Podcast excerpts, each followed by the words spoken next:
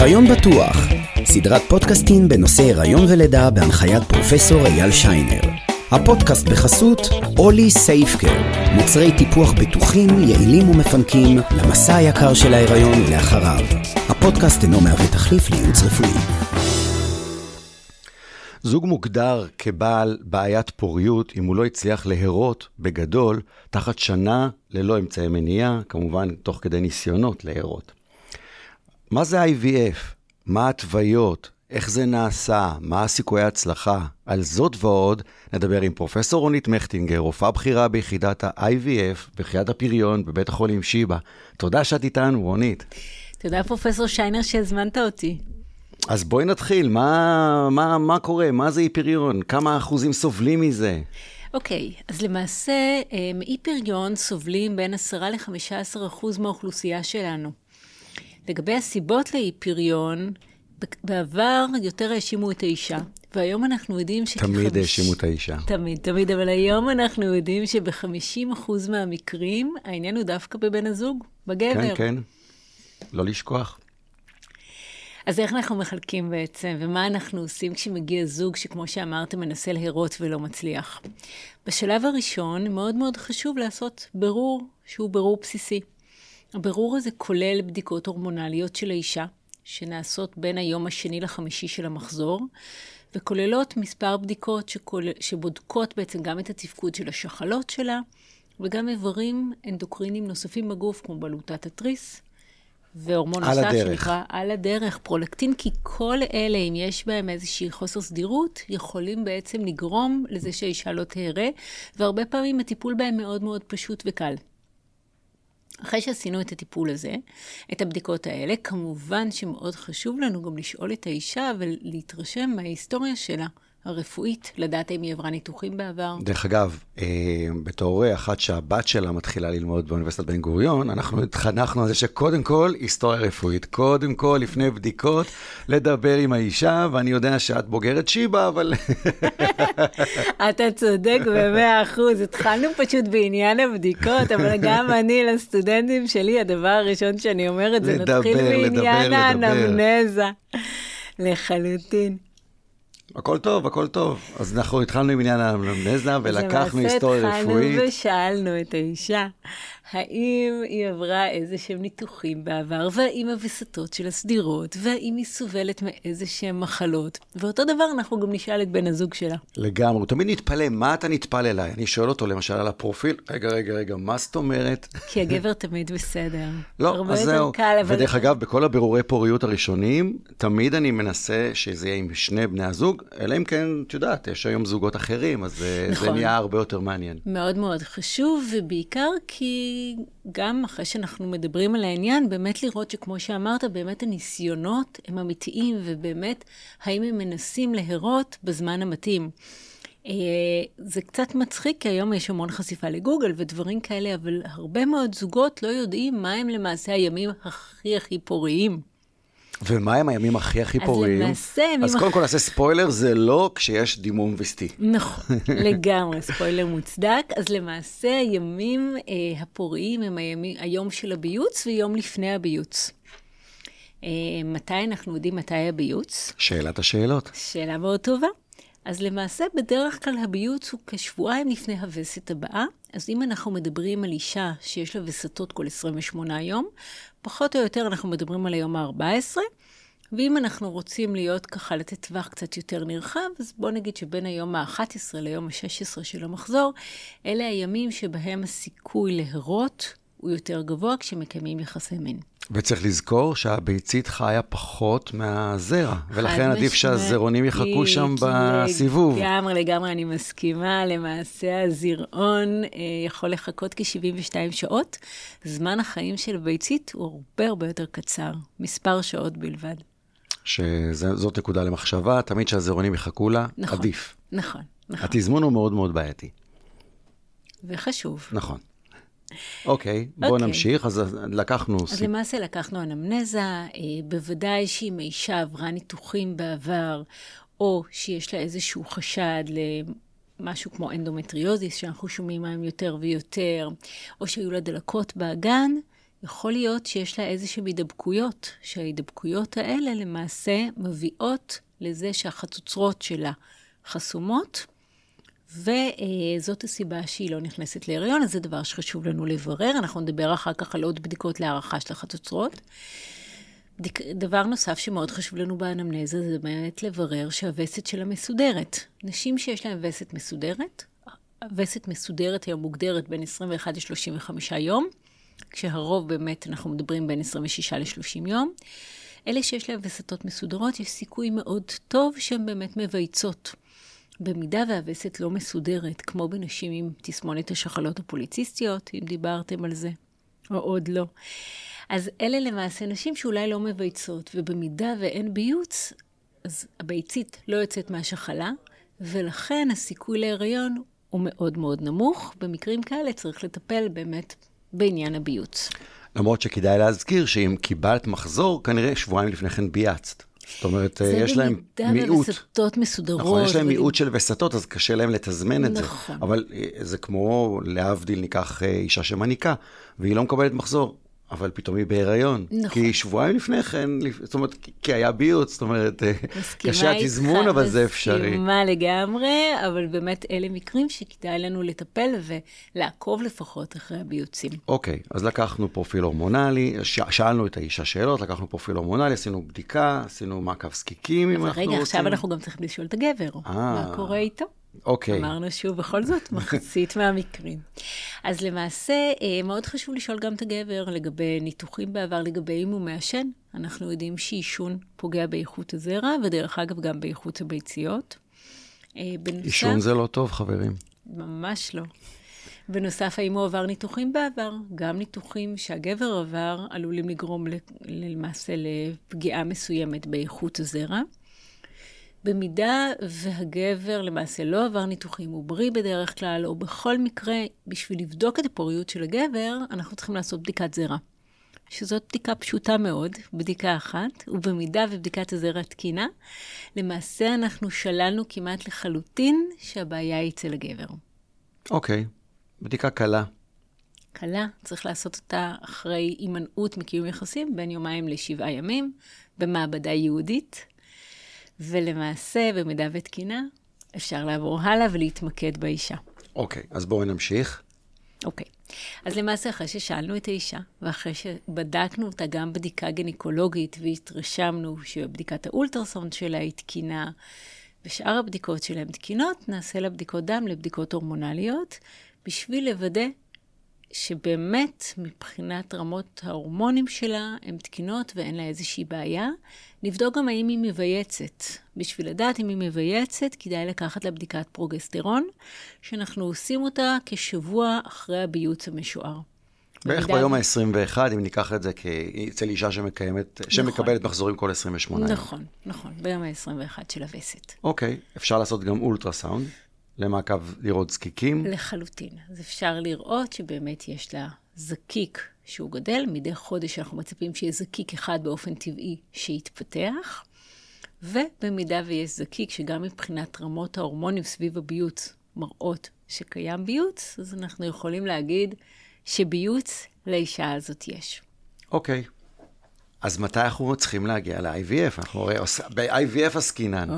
אז יש לנו עוד כברת דרך עד אז, נכון? יש לנו כן, טיפולים הרבה יותר קלים עד חד ה-IVF. משמעית, מאוד מאוד תלוי בעצם בגורמים. אה, אבל מי אלה שמגיעות ישר ל-IVF? אוקיי. למעשה... מי הזוגות? בואו נדבר רגע, באמת, שאלה חשובה. הזוגות שבעצם צריכים להגיע ישירות להפריה חוץ גופית. אז למעשה אנחנו מדברים מבחינת נשים על כאלה שיש להם בעיה מכנית, זאת אומרת ששתי החצוצרות שלהם חסומות. ואיך אנחנו יודעים שהן חסומות? זה בדרך כלל אנחנו עושים בבדיקה שנקראת צילום רחם, או בדיקה נוספת שנקראת הידורסונוגרפיה, שאנחנו מכניסים חומר צבע למעשה לתוך הרחם, ועוקבים או בעזרת שיקוף של רנטגן או בעזרת בדיקת אולטרסאונד אחרי הפיזור של החומר, ורוצים לראות שהוא באמת עובר בחצוצרות.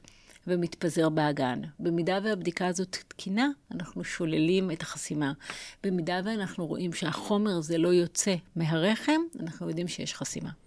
אוקיי, אז נשים עם חסימה, בעצם אין לנו מה לנסות שיטות uh, של הזרעה, אין לנו מה לנסות בהשראת ביוץ, כי בעצם הזרע לא יוכל להגיע לביצית בדרך הרגילה. יש חסימה בשתי הצדדים, ולכן צריכות ללכת להפריה חוץ גופית. נכון. מה עם גברים? יש גברים שהם יובילו אותנו ישר להפריה חוץ גופית? בהחלט. אם כמות הזרע של הגבר קטנה מאוד, או שמדובר בזרעונים בודדים, או בקריטריונים נוספים של בדיקת זרע שהיא לא תקינה, אה, יש מקרים שאנחנו נפנה את הזוג ישירות לביצוע הפריה חוץ גופית. ובהפריה חוץ גופית יש לנו היום גם את האפשרות להכניס זרע ישירות לתוך הביצית, ואז בעצם לטפל גם בגברים שבאופן טבעי אין להם שום סיכוי להרות. וכאן צריך לזכור שבסוף צריך זרעון אחד. אנחנו מדברים על קריטריוני מינימום בסדר גודל של מיליונים, ובסוף תראי מה זה, זרעון אחד בלבד.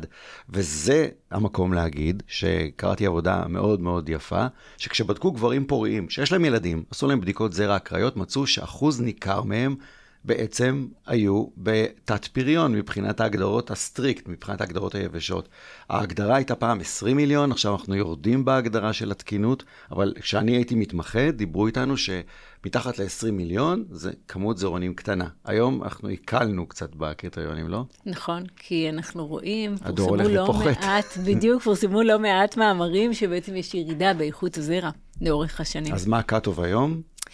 אז אנחנו עדיין מדברים בעצם על 15-20 מיליון, אבל כמובן שיש כאלה שמצליחים להכניס אישה להיריון גם בכמויות נמוכות יותר.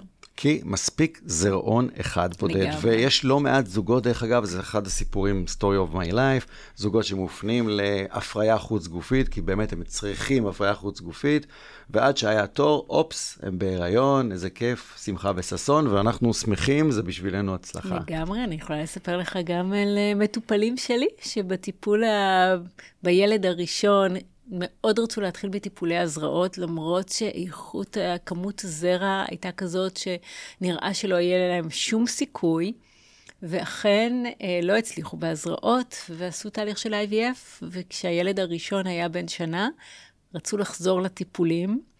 היא לא קיבלה מחזור, אבל... היא לא קיבלה מחזור, ו... וכשלא מקבלים מחזור, דבר ראשון, מה צריך לעשות? בדיקת הריון. תכלס, לא לשכוח. זה גם, גם בשיבא וגם בבאר שבע. זה כלל עולמי. אישה שלא מקבלת מחזור, קודם כל, לחשוב על הריון. לגמרי. וגילתה שהיא בהריון ספונטני, לשמחתנו. כולולו, כולולו, אנחנו בעד. בעד, תמיד okay, בעד. אז דיברנו על חסימה, מכנית מבחינת האישה, דיברנו על קריטריונים של זרע, של, של הגבר, יש עוד דברים שיובילו אותנו ל-IVF, דו, לאו דווקא בתור התחלה. אז היום, גם בתור התחלה, יש לנו בעצם את כל העניין של אה, אבחון טרום השרשתי של עוברים.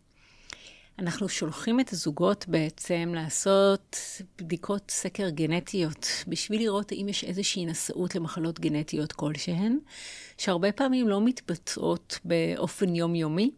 כי גם אם לאישה יש שני גנים ולגבר שני גנים, שאחד מהם הוא רק לא תקין, אז למעשה הגבר או האישה יהיו בריאים לחלוטין.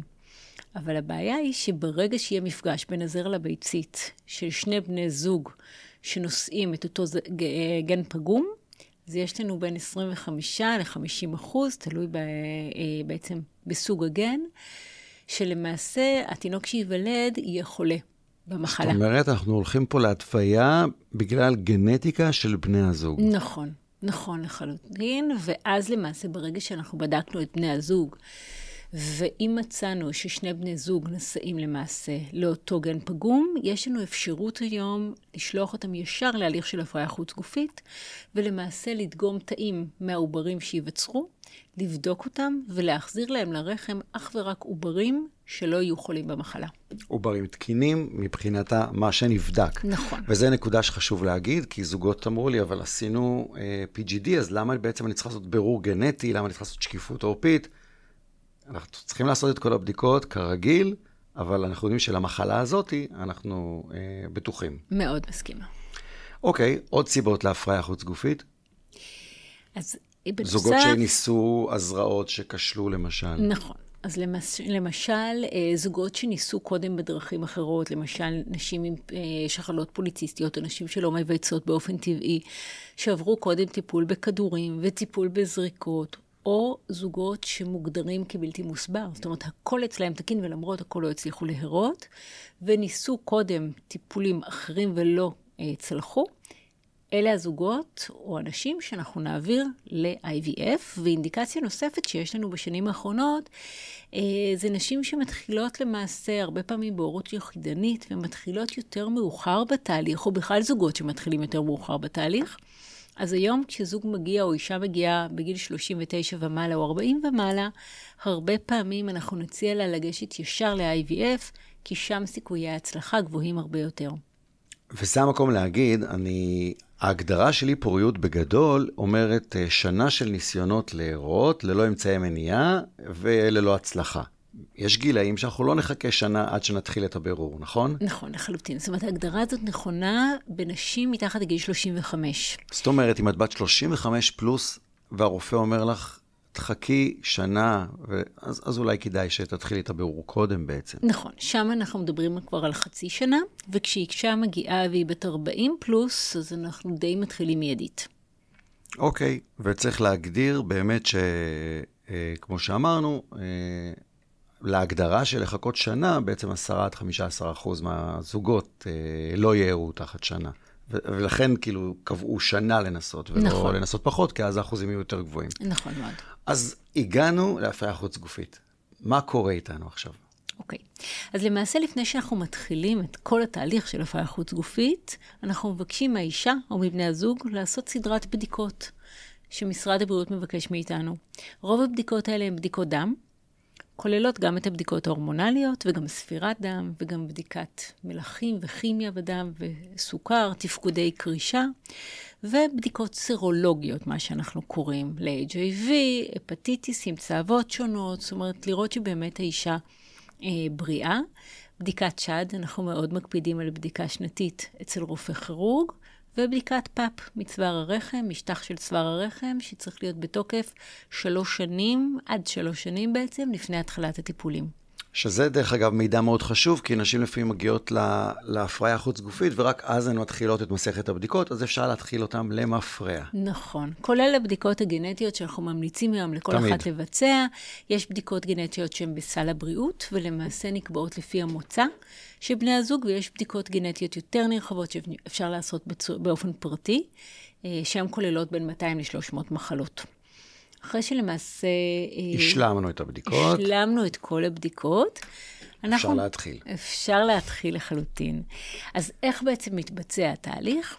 התהליך כשלעצמו, כל מחזור טיפול לוקח בסביבות שבועיים. האישה במרבית הפרוטוקולים, זאת אומרת, קודם כל צריכה לגשת לרופא, רופאת פריון, שיתאים לה פרוטוקול שמתאים לה לפי כל הנתונים שהיא מביאה איתה. מרבית הפרוטוקולים היום מתחילים ביום השלישי של המחזור החודשי. בשלב הראשון עושים קודם כל בדיקות דם ואולטרסאונד בשביל לראות שבאמת האישה מוכנה להתחיל. שאין לה ציסטות בשחלה, שרמת ההורמונים שלה הבסיסית היא כזאת שבאמת מאפשרת לנו לקבל את ההצלחות המיטביות באותו מחזור הטיפול. ואז, אם הכל בסדר, האישה מתחילה להזריק לעצמה זריקות. טיפול הורמונלי. טיפול הורמונלי, שהמטרה שלו, של ההורמונים, למעשה... להבשיל את הביציות. עוד לא להבשיל את הביציות, אלא לא קודם להבשיל, כל לגרות, לייצר, לגרות את השחלות, mm-hmm. שיתפתחו בהם יותר זקיקים שמכילים ביציות. אם באופן טבעי יש לנו רק זקיק אחד וביצית אחת, אז פה המטרה שלנו באמת להשיג כמה זקיקים שבתוכם יהיו כמה ביציות. לגייס יותר ביציות, פשוט אחוזי הצלחה יותר גבוהים, אנחנו רוצים להפיק יותר מעובר אחד בעצם. נכון. בניגוד להיריון רגיל, ודרך אגב, אנחנו עוד לא נדבר על החזרה, כי המטרה שלנו דווקא בהיריון הוא כן שיהיה הריון רגיל יחיד, ולא הריון מרובה עוברים. לגמרי. אז אנחנו קיבלנו אז, את ההורמונים. אז למעשה האישה מקבלת הורמונים, וכל מספר ימים היא תצטרך לחזור על הבדיקות, גם בדיקות הדם וגם בדיקות האולטרסאונד, שהמטרה שלהם למדוד את ההיענות שלה ואת התגובתיות שלה לטיפול. תוך כדי הרופא או הרופאה המטפלים שלה יעלו את המינון של ההורמונים, יורידו את המינון או ישאירו אותו אותו דבר, ויוסיפו לה זריקות שמעכבות את הביוץ הטבעי. כי מאוד חשוב לנו שהאישה לא תבייץ באופן טבעי. הכל חייב פה להיות נשלט. ברגע שראינו שיש לו כבר מספיק זקיקים גדולים, בדרך כלל אנחנו מדברים על זקיקים של 18 מילימטר ומעלה, לפחות שני זקיקים כאלה, האישה תקבל למעשה זריקה או זריקות שהמטרה שלהם להבשיל את הביציות. כי הביציות שנמצאות בשחלה הן לא בשלות. ביצית שהיא לא בשלה לא יכולה להפרות כאשר היא באה במפגש עם הזרע. ולמעשה, אחרי ההבשלה של הביציות האלה, אנחנו נוכל לשאוב אותה. ההבשלה לוקחת פחות או יותר 36 שעות, ולכן הזריקות האחרונות הן מאוד מתוזמנות, לפי זמן חדר זה הניתוח. כמו, זה כמו, כמו תזמון של ביוץ בעצם. נכון, אבל כשאנחנו מדברים... גם הזריקות הן בעצם חומר שהוא דומה ל-LH, לא? נכון, נכון, זה חומר LH ש... זה ההורמון שעולה, הפיק שלו לפני הביוץ. לגמרי, זה חומר שבעצם גורם לביוץ, אבל כש... בכל הטיפולים האחרים, כשאנחנו אומרים לזוג לקיים יחסים, אז בעצם יש איזשהו חלון של זמן מזריקת הזריקות ועד לזמן שהביצית יוצאת, שאפשר לתת. כאן אנחנו מוכרחים להיות מאוד מתוזמנים. כי למעשה אנחנו לוקחים את ה... מפיקים את הביציות מהשחלה בתהליך שהוא נקרא שאיבת ביציות, שאני כבר אדבר עליו, והשאיבה הזאת חייבת להיות נורא מתוזמנת. אם היא תעשה מוקדם מדי, אנחנו לא נצליח לשאוב ביציות. אם היא תעשה מאוחר מדי, הביציות כבר יתפרקו, לא וגם לא יהיה לנו מה לשאוב, נכון.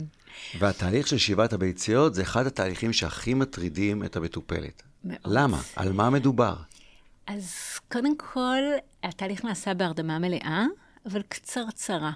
מאוד דומה להרדמה של קולונוסקופיה, אם מישהי עברה. של טשטוש בעצם. של טשטוש דרך הווריד. זאת פעולה קצרה, בדרך כלל שלוקחת בין 5 ל-10 דקות. אני חייב להגיד שבתור אחד שעשה את ההרדמה של קולונוסקופיה, זה עבר מהר, אמרו לי לספור כבשים, אני תוך שנייה שקעתי בשינה עמוקה והקצתי ממש, אה, אפילו היה, לא נעים להגיד את זה, אבל כאילו הרגשתי ממש רגוע ושלב, זה לא היה חוויה לא טובה. אז המטופלות שלנו מתחלקות לשתיים.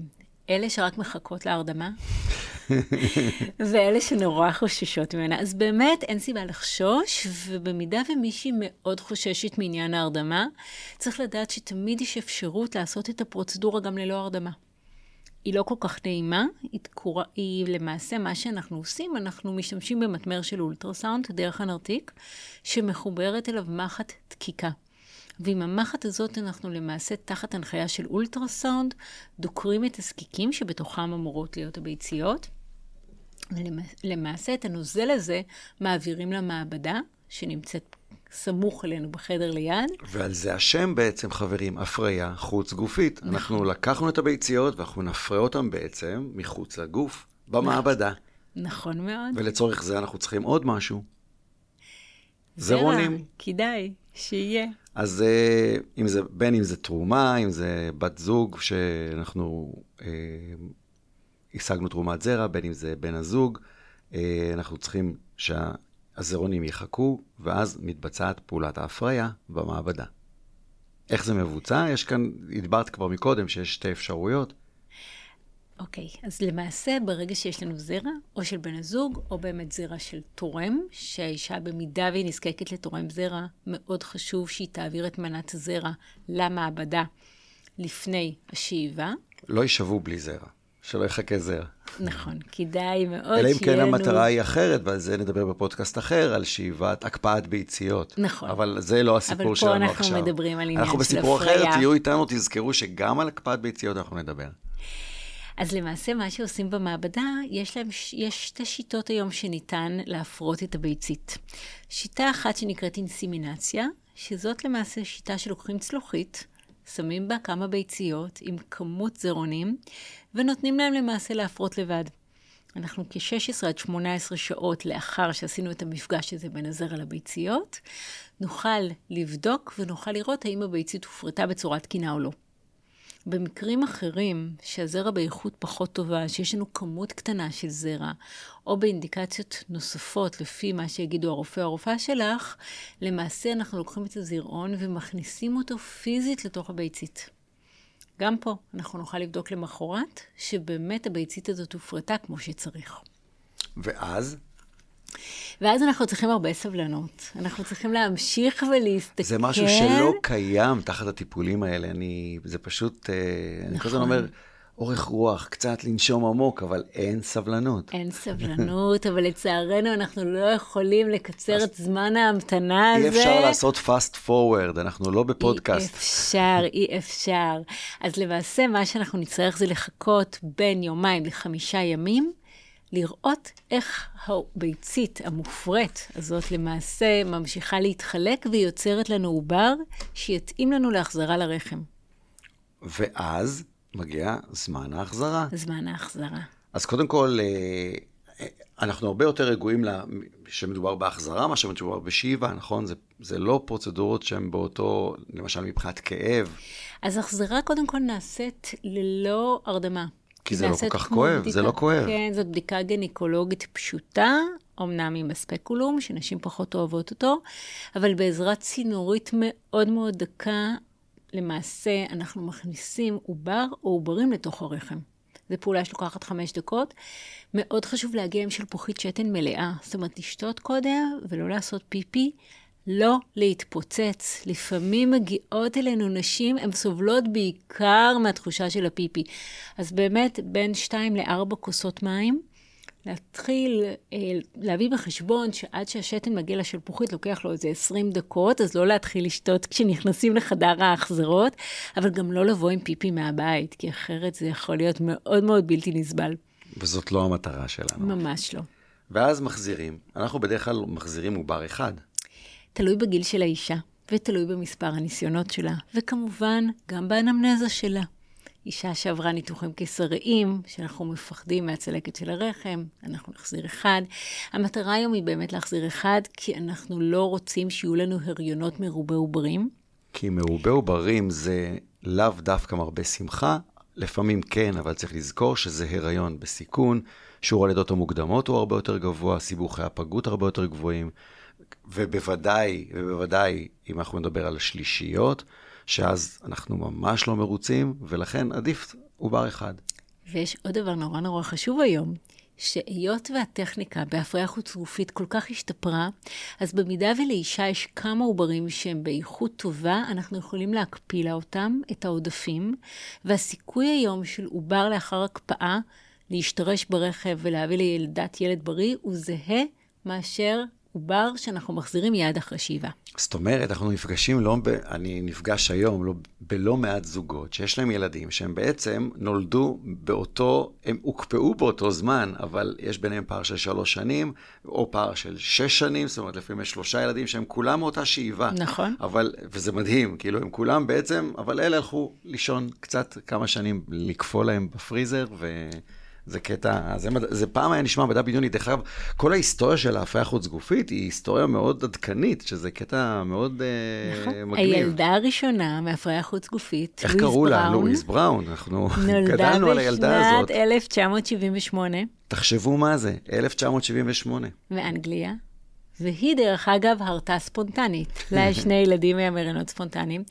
ובארץ יש לנו היסטוריה מאוד מאוד מפוארת. הילדה הראשונה כאן היא רומי נוימרק, שהרופא שלה היה בעצם פרופסור אה, דור, שהוא מחלוצי ואבות ההפריה החוץ-גופית בארץ, והיא נולדה ב-1982.